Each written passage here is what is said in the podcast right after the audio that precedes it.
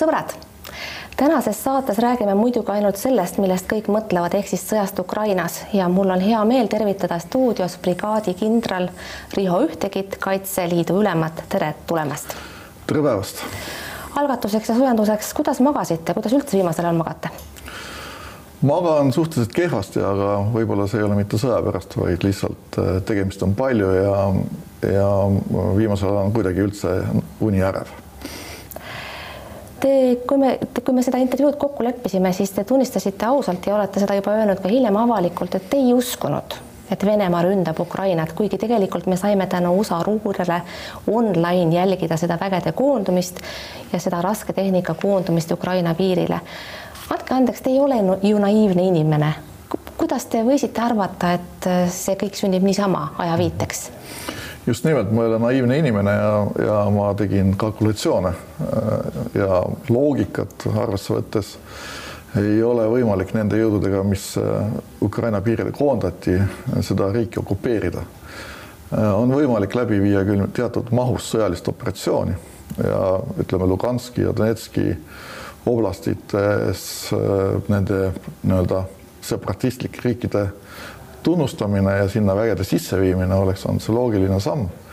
aga laiaulatusliku rünnaku jaoks äh, sellest jõust ei piisa, eriti sellise riigi vastu nagu Ukraina. Praegu on siiski olukord Kiievi ümbruses väga keeruline, see meeletu tankikolonn on seal ootel, me ei tea täpselt, äh, mis, mis, mida see kavatseb ja mismoodi seda, noh, ukrainlased ei ole seda purustanud, Maria, Mariupolis on väga raske seisund, Herson on võetud kas te ei arva, et te olete ikka olnud liiga optimistlik, öeldes, et eh, Venemaa selle sõja ta kaotab? ma olen endiselt optimistlik ja arvan, et ta kaotab, sest ukrainlaste jaoks ei ole tegu enam mitte paljalt sõjalise manöövriga või ütleme, sõjalise operatsiooniga, nagu Venemaa seda kogu aeg kinnitab, vaid Ukraina jaoks on see rahvasõda me loeme nüüd koos teiega päevi, te lubasite, et aktiivne sõjategevus lõpeb kümne päeva jooksul, selles olete ka endiselt kindel? Ma väga loodan, et see niimoodi on Äh, ma ei saa öelda, et ma kahtlema olen hakanud, aga jälle arvesse võttes äh, loogikat, andmeid, mis on, äh, venelaste ettevalmistused sõjaks olid välksõja ettevalmistused.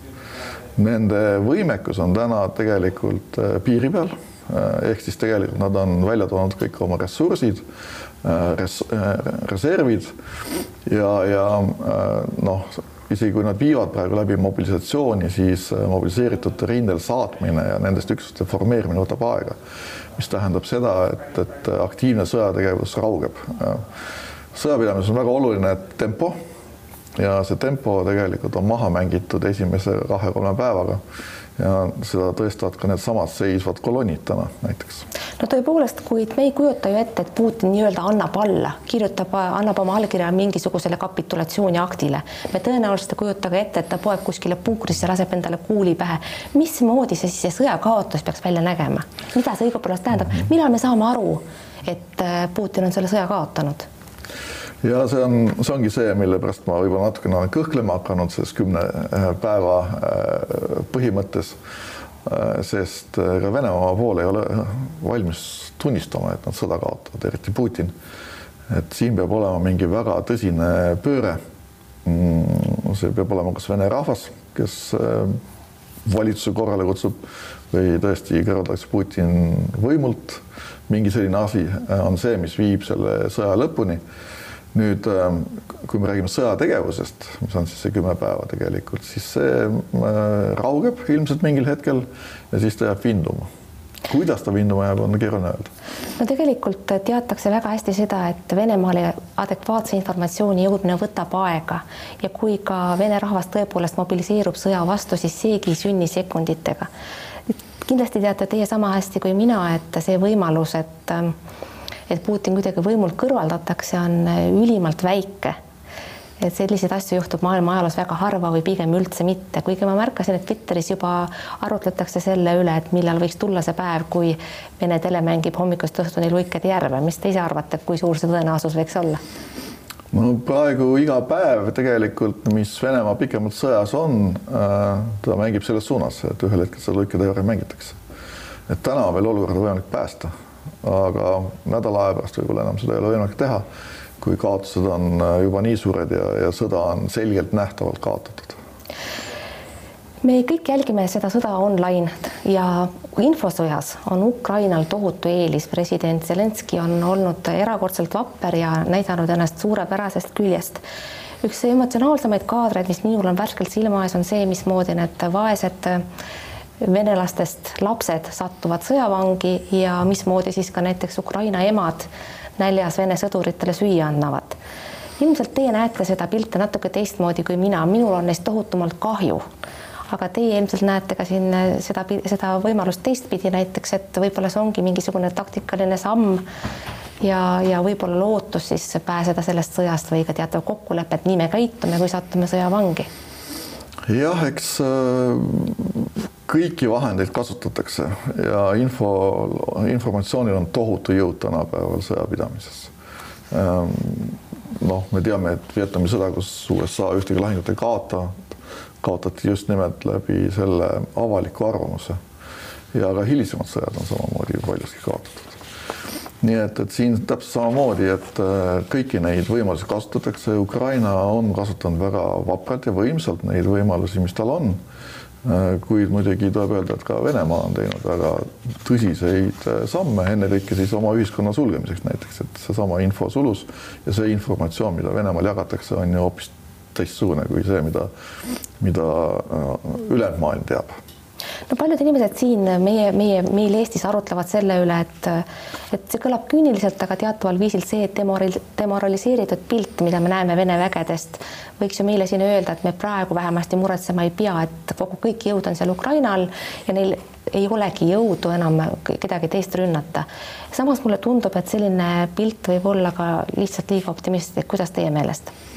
iga hävitatud sõjamasin Ukrainas tähendab seda, et seda masinat ei ole ühel päeval meie piiridel. nii et äh, tõepoolest äh, Eesti piiri taga ei ole kunagi ajaloos olnud nii vähe äh, Vene vägesid, kui ta on täna. ja, ja ukrainlased teevad täna meie eest ja mitte ainult meie eest, vaid kogu lääne ühiskonna eest seda tööd, mida võib-olla ühel päeval tuleks muidu meil teha millal see päev võiks tulla, kui ma mõtlen selle peale, kui kohutavalt üksi olid ukrainlased siis, kui see sõda puhkes. Nad ei ole Euroopa Liidus, nad ei ole NATO-s, varem on Joe Biden või hiljem ja varem ka muidugi on Joe Biden NATO nimel korduvalt kinnitanud, et USA ega NATO sõtta ei astu. kas ei või siiski juhtuda, et me ühel hetkel peame seda otsust kibedasti kahetsema, et kolmas maailmasõda tegelikult juba ongi alanud, aga me ei taha seda äkki endale tunnistada me ei oska ette ennustada, mis tuleks, kui NATO täna astuks sõtta. et ilmselt me lahendaksime küll väga kiiresti ära Ukraina jaoks selle probleemi, kuid me pääseksime valla globaalse sõja, mis võib olla väga kiire ja lühikene, lahendada paljud probleemid, kuid võib äh, viia meid ka ühiskonna katastroofini. nii et äh, selles mõttes palju targemad pead kui mina kindlasti paljudes riikides, NATO maades, NATO komiteedes äh, on selle peale mõelnud ja, ja, ja see seisukoht on täna selline, nagu ta on arusaadav. räägime Kaitseliiduga liitumise lainest, mis eeldatavasti on massiivne. olete te tänaseks jõudnud kokku lugeda või kas, kas keegi jälgib online, kui palju neid liitumisavaldusi tuleb näiteks ühes tunnis? Äh, täpselt niimoodi ei ole üle lugenud. Äh, mingit statistikat tehakse, me teame seda, et meil on äh, Kaitseliitu, nüüd ma räägin meesteorganisatsioonist, on kakssada soovijat oli eile õhtuse seisuga. ja umbes kolmandik nendest olid ka avalduse selleks hetkeks kirjutanud. naiskodukaitsesse astumine on märksa massiivsem, huvi on hästi suur just naiste, naised on hästi aktiivsed ja seal on äh, tänase seisuga ma tean, on umbes kaks pool tuhat huvitatut, nendest tuhat on äh, täiesti aktiivselt äh, astumas. nii et naisteorganisatsioon, mis siiamaani püsis seal kusagil kahe tuhande kuuesaja, kahe tuhande seitsmesaja inimese peal, võib kasvada kaks korda suuremaks see on tõepoolest tähelepanuväärne, muide ka Ukrainas sõdivad ju eesliinil naised, kakskümmend protsenti on relva haaranutest on ju naised. aga kas siis noh, ma vaatasin, olen neid lehekülgi ka avanud nii keskmiselt kord päevas ja noh, mulle on tundunud, et naiste ainus võimalus on liituda Naiskodukaitsega, kuid me rääkisime enne saadet, et see võib-olla ei ole päris õige arusaamine, kuidas siis on? no läbi aja on naised astunud ka Kaitseliitu, need, kes on siis väga selgelt ennast äh, liigitanud siis kombatantideks, kui me nii võime nimetada, või nendeks, kes tahavad siis relvaga äh, kaitsta äh, kodumaad. Ja, ja äh, seal ei ole tegelikult soolist vahet, kuhu nad astuvad. Et eelistatult muidugi alati soovitatakse naistel astuda kõigepealt naiskodukaitsesse ja mis ei välista seda, et nad ei võiks kuuluda kombatantide hulka ühel päeval, aga lihtsalt läbi naisteorganisatsiooni on neil mõnikord lihtsam äh, tulla, näha seda maailma, seda organisatsiooni ja, ja liituda siis äh, hiljem äh, nende sõjaliste üksustega no naiste võimalused seal ikkagi eelkõige olid õppida suppi keetma mitmesajale mehele mm. ja õppida haavusid tooma, olid esmased optsioonid. Need võivad olla jah, niimoodi paista välja, aga tegelikult äh, me, Kaitseliit on hästi laiapõhjaline organisatsioon ja me oleme osa laiapõhjalisest riigikaitsest ja, ja seetõttu äh, meil on nii sõjalisi tegevusi kui ka tsiviiltegevusi, ehk siis tegelikult kriisi ja, ja sõja ajal on vaja väga palju muud ka teha, mitte ainult siis relvaga sõdida, vaid tegelikult kogu see toetussüsteem on vaja üles ehitada ja hoida üleval. on vaja riiki käigus hoida, ehk siis riik vajab tegelikult täiendavat jõudu ja ressurssi inimeste näol Äh, ja veel parem välja õpetada inimeste näol, nii et, et äh, siin on hästi palju teha, mida teha. supi keetmine ja haavade sidumine on üks osa sellest, jah. arusaadav, minu käest on mitu inimest küsinud, et aga kui ma nüüd astun ja riik mind koolitab, sest see on ju tegelikult võimalus saada ka teadmisi, mida noh, mida võib kuluda ära isegi väljaspool sõjaaega. aga noh, eelkõige ikkagi sõjaaja, et kui nüüd riik mind koolitab ja sõda päriselt tuleb, kas ma pean siis sõtta minema? mina ei osanud vastata, kuidas siis päriselt on? Need, kes endale väga selgelt kohustuse võtavad, äh, nemad peavad minema. aga Kaitseliit on vabatahtlik organisatsioon, mis no tähendab seda, et, et igaüks ei pea minema, kes Kaitseliitu astub ja Naiskodukaitsesse. et äh, inimesed ise valivad ja, ja meil on, ongi tegelikult organisatsioonis ka selliselt äh, et on teatud hulk inimesi, neid, kes kindlasti on sõjaametikohtadele pandud, kellel on väga kindlad ülesanded, sest nad on ise seda otsustanud ja tahavad olla. ja on teine hulk siis neid, kes äh,, kellele on antud ettevalmistus, väljaõpe.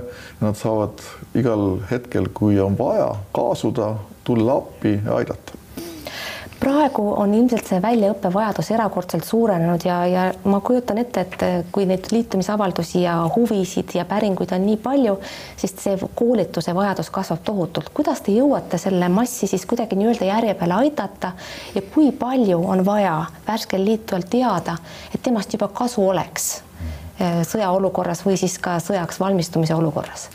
No vaadake Ukrainas, et äh, enamikel inimestel ei ole mitte mingit ettevalmistust. ja neile antakse relv. Neile antakse relv või antakse ülesanded ja nad hakkavad neid tegema, nad õpivad koha peal äh, ja käigult.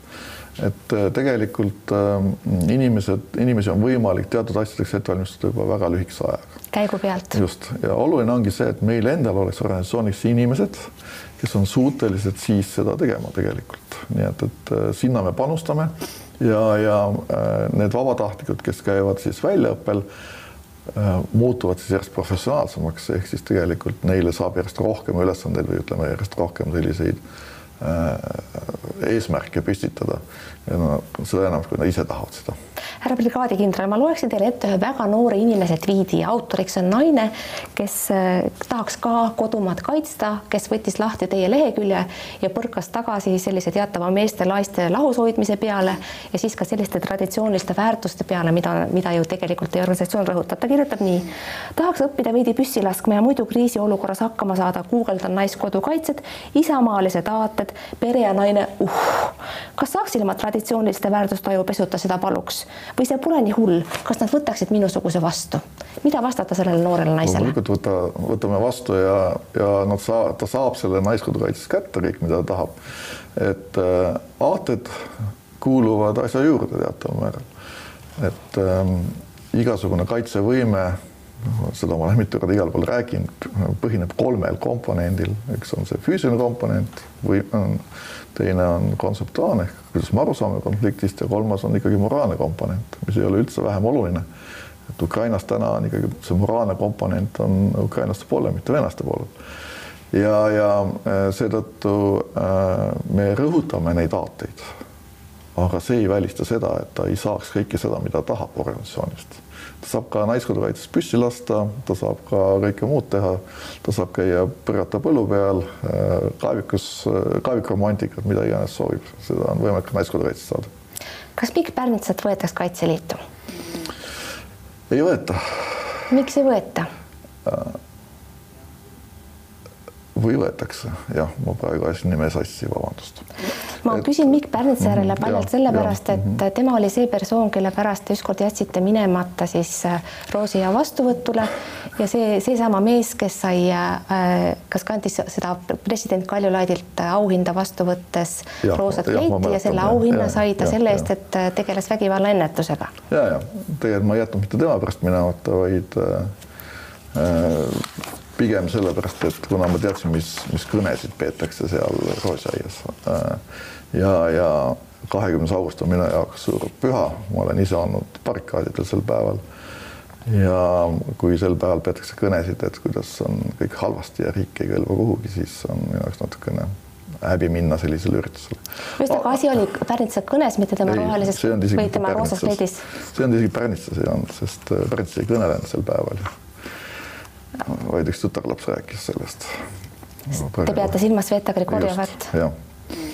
kas ma saan teist õigesti aru, et Sveta Grigorjeva kõne pärast jätsite te minema, mitte Pärnitsa pärast? mitte Pärnitsa pärast ja kui te tuletate meelde, mis, kuidas ma ütlesin, siis ma ütlesin seda, et jäägu sellised üritused siis Pärnitsa sugustele.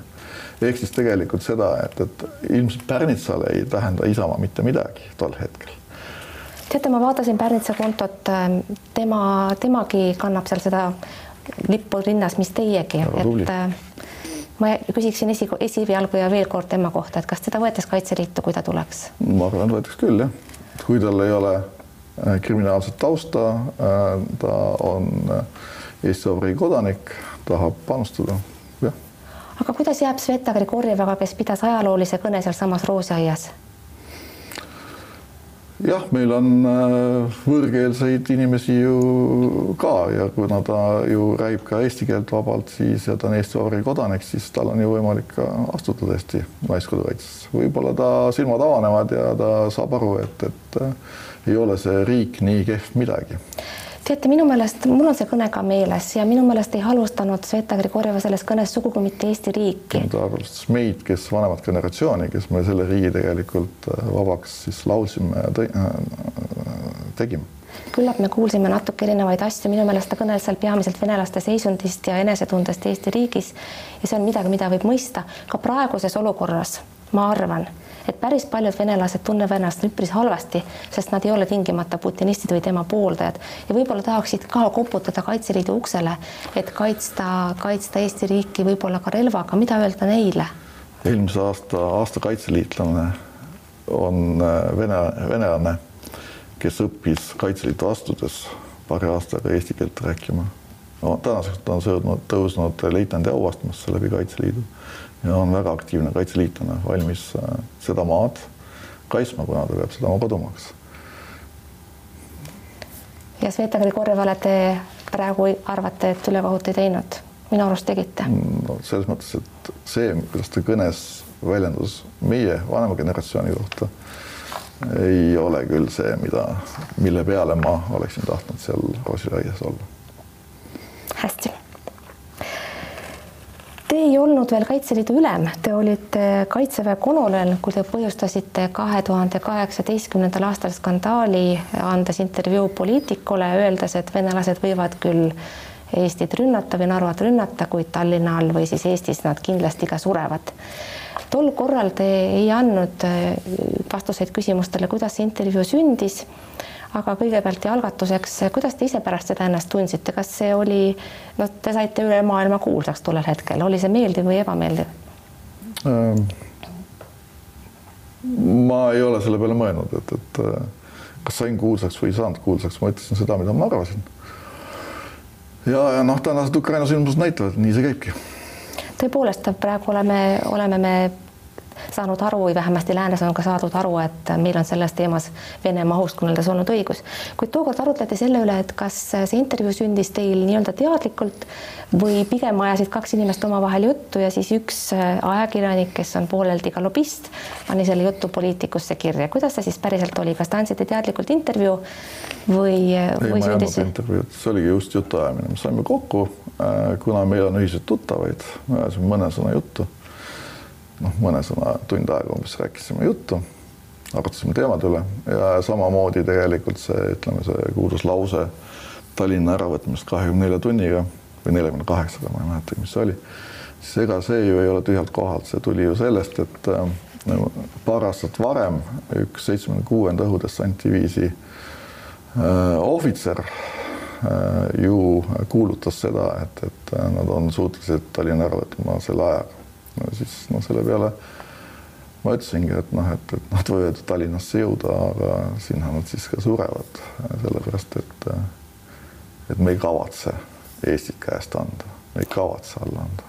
Teie sõnad tegid tookord maailmale tiiru peale ja ma mäletan ka Eesti ajakirjanduses arutleti selle üle, et et kas äkki selle intervjuu eest maksti kuidagi, on see teile teadaolevalt kuidagi niimoodi olnud või, või sündisid need spekulatsioonid täiesti tühjalt kohal, sest no, noh, olgem ausad, miks need küsimused tekkisid, väga kasulik on ju näidata, et meie kaitsetahe on nii suur ja kindlasti paistis see väga hea silma, väga hästi silma nii NATO-s kui ka mm. USA-s kui ka kõigi meie liitlaste silmis. Mm, maksis kellele? Ma ei tea. Äh, ajakirjanikule? no võib-olla näiteks ajakirjanikule või siis äh, noh. mina talle küll senti ei maksnud, me, meil oli tõesti samasugune jutuajamine, nagu praegu siin teiega räägime. ja, ja no ma arvan, et äh, ta tuntuks sai kindlasti ja, ja, ja see Ameerikas, kus oli just parasjagu ju ka teataval määral selline kõhklev olek selles, et, et kas Balti riike tuleks kaitsta ta tol hetkel täpselt õigel kohal, aga see olnud planeeritud tegevus. hästi, härra Ühtegi, te olete kristlane. see ei ole midagi, mis, millest oleks avalikult räägitud, kuid ähm, noh, ütleme niimoodi, et võib-olla sõjaväelaste puhul ei ole see, kõrgete sõjaväelaste puhul ei ole see alati nii tavaline. ja pealegi te ei saanud kristlaseks mitte nii-öelda algusest peale või oma perekonna kaudu, vaid alles neljakümnendates eluaastates. kas Te oleksite nõus lühidalt meenutama, kuidas see teiega sündis, see otsus? noh, eks mu vanemad olid ristitud, aga tõepoolest noh, nõukogude ajal ristimine ei olnud eriti populaarne tegevus ja kuidagi läks see mööda. ja, ja, ja ma ei ole ennast kunagi eluajal kristlaseks pidanud. võib-olla selle kristluse peale hakkasin ma rohkem mõtlema siis, kui, kui maailm polariseerus teataval määral, kui meil tuli hakata käima teistes maailmajagudes, kus siis äh, meid peeti siis kristlasteks, vaenlasteks ja nii edasi, nii edasi, ehk siis tegelikult äh, moslemimaades. ja, ja, ja noh, seal ma nägin ka seda, kui palju need väärtused on erinevad. Ja, ja siis noh, ma olen ka sellest rääkinud, et, et see oli selline huvitav jutuajamine mul ühe, ühe Talibani komandöriga ühel hetkel Afganistanis, kes siis algul põlastas siis kõigepealt noh, meid selle üle, et me oleme kristlased siis, kui ma ütlesin talle, et, et aga ma ei ole usklik, äh, siis ta vihastas mu peale veel topelt ja ütles seda, et kui sul üldse usku ei ole, siis, äh, siis sa oled lausa koer põhimõtteliselt. ja no see oli võib-olla selline esimene kord, kuigi jah, noh, hiljem on ka olnud mõtteid selle üle ja ma olen näinud, kuidas sõdurid tegelikult sirutavad kätt äh, kaplani poole lahinguväljal, enne kui siis nad surevad. ja see on üsna karm vaatepilt tegelikult iseenesest, et äh, võib-olla tõesti me sel hetkel jõuame siis selle äratundmisele või selle, selle vajaduse juurde nii-öelda, selle lunastuse järele. vaadates silma surijale. ja, ja, ja, ja ja siis äh, pärast hiljem oli siis äh, Gruusias oli see moment oli siis oli üritus, kus ma kandsin siis aumärk. ja siis oli mul juttu paari hea tuttavaga seal, kes siis äh, noh, keelitasid mind noh, meil oli filosoofiline jutuajamine ja siis nad küsisid, miks ma ristitud ei ole ja siis ma ütlesin, et, et noh, et kuidagi pole tavaks meil. siis oli, siis nad ütlesid, et näed, et sa ju kannad rinnas ristimärke ehk siis tegelikult sa ju kannad risti rinnas, et noh, et sa oled ju tegelikult kristlane. ja eks see nii olegi, et, et meie maailmavaated, meie väärtused, kus me siin oleme elanud need tuhat aastat, on ju tegelikult omased just nimelt kristlikule maailmale. hästi kaitseliit loodi enne, kui Eesti sai uuesti taasiseseisvaks ja augusti putši ajal olevate olnud valmis minema Vene soomukite tankide vastu nende samade Molotovi kokteilidega, mida praegu Ukrainas lennutatakse autodest ja korteri akendest Vene soomukite tankide pihta. ma olen neid videosid vaadanud ja mõelnud, kas päriselt tõesti on siis võimalik eh, sellesama Molotovi kokteiliga soomukit või tanki hävitada, kui teie olite valmis seda tegema, järelikult on. jah, et äh kuna tegu on siis süttiva ja vedela seguga, siis äh, ta nõrgub igale poole. Ja, ja äh, ta töötab üsna efektiivselt siis, kui näiteks ütleme tankimootori või, või siis äh, nende õhuavade peale visata ja, ja siis ta tilgub sealt sisse ja, ja, ja hävitab siis need osad, mis põlevad. Riho, ühtegi viimane küsimus tuleb vaatajatelt, vaatajad saavad ka esitada küsimusi Facebookis, kui me selle saate info avalikuks teeme ja üks küsimus kõlab nõndamoodi, kas poleks aeg praegu muuta relvaseadust ja teha relvad Eesti elanikkonnale kättesaadavamaks, kui nad praegu on? teatavasti siis näiteks USA-s on reeglid hoopis teised, palju lõdvemad. äkki oleks ka meil aeg? eks neid relvareegleid on karmistatud siin tõesti ja, ja no vahepeal tundub ka niimoodi, et neid on liiga karmiks tehtud. Eestis on, Eesti on suhteliselt liberaalne relvade suhtes, ma arvan, võrreldes teiste riikidega täna noh, Kaitseliitlus on inimestel relvad kodus, kes seda vähegi tahavad hoida. ja, ja ka tegelikult ju tavakodanik saab ikkagi endale relva muretseda. ma tean seda, et, et räägitakse aeg-ajalt jälle sellest, et on vaja seda karmistada ja, ja kui me vaatame relvaseaduse muudatusi, siis vaikselt see karmistumine käib. me ei tohiks liiga suuri takistusi teha, sest äh, lojaalsed kodanikud, just ennekõike lojaalsetele kodanikele sest täna on seis selline, et, et äh, vaata, et mittelojaalne inimene täna, kes tegeleb nii-öelda relva, laskespordiga justkui äh, võib palju lihtsamalt relva kätte saada kui lojaalne kodanik. nii see on. arusaadav. brigaadikindral Riho Ühtegi suur-suur tänu teile tulemast siia saatesse, head sõbrad, aitäh, et vaatasite, vaadake teinekord ikka jälle. elage vahepeal hästi, kuulmiseni ja nägemiseni.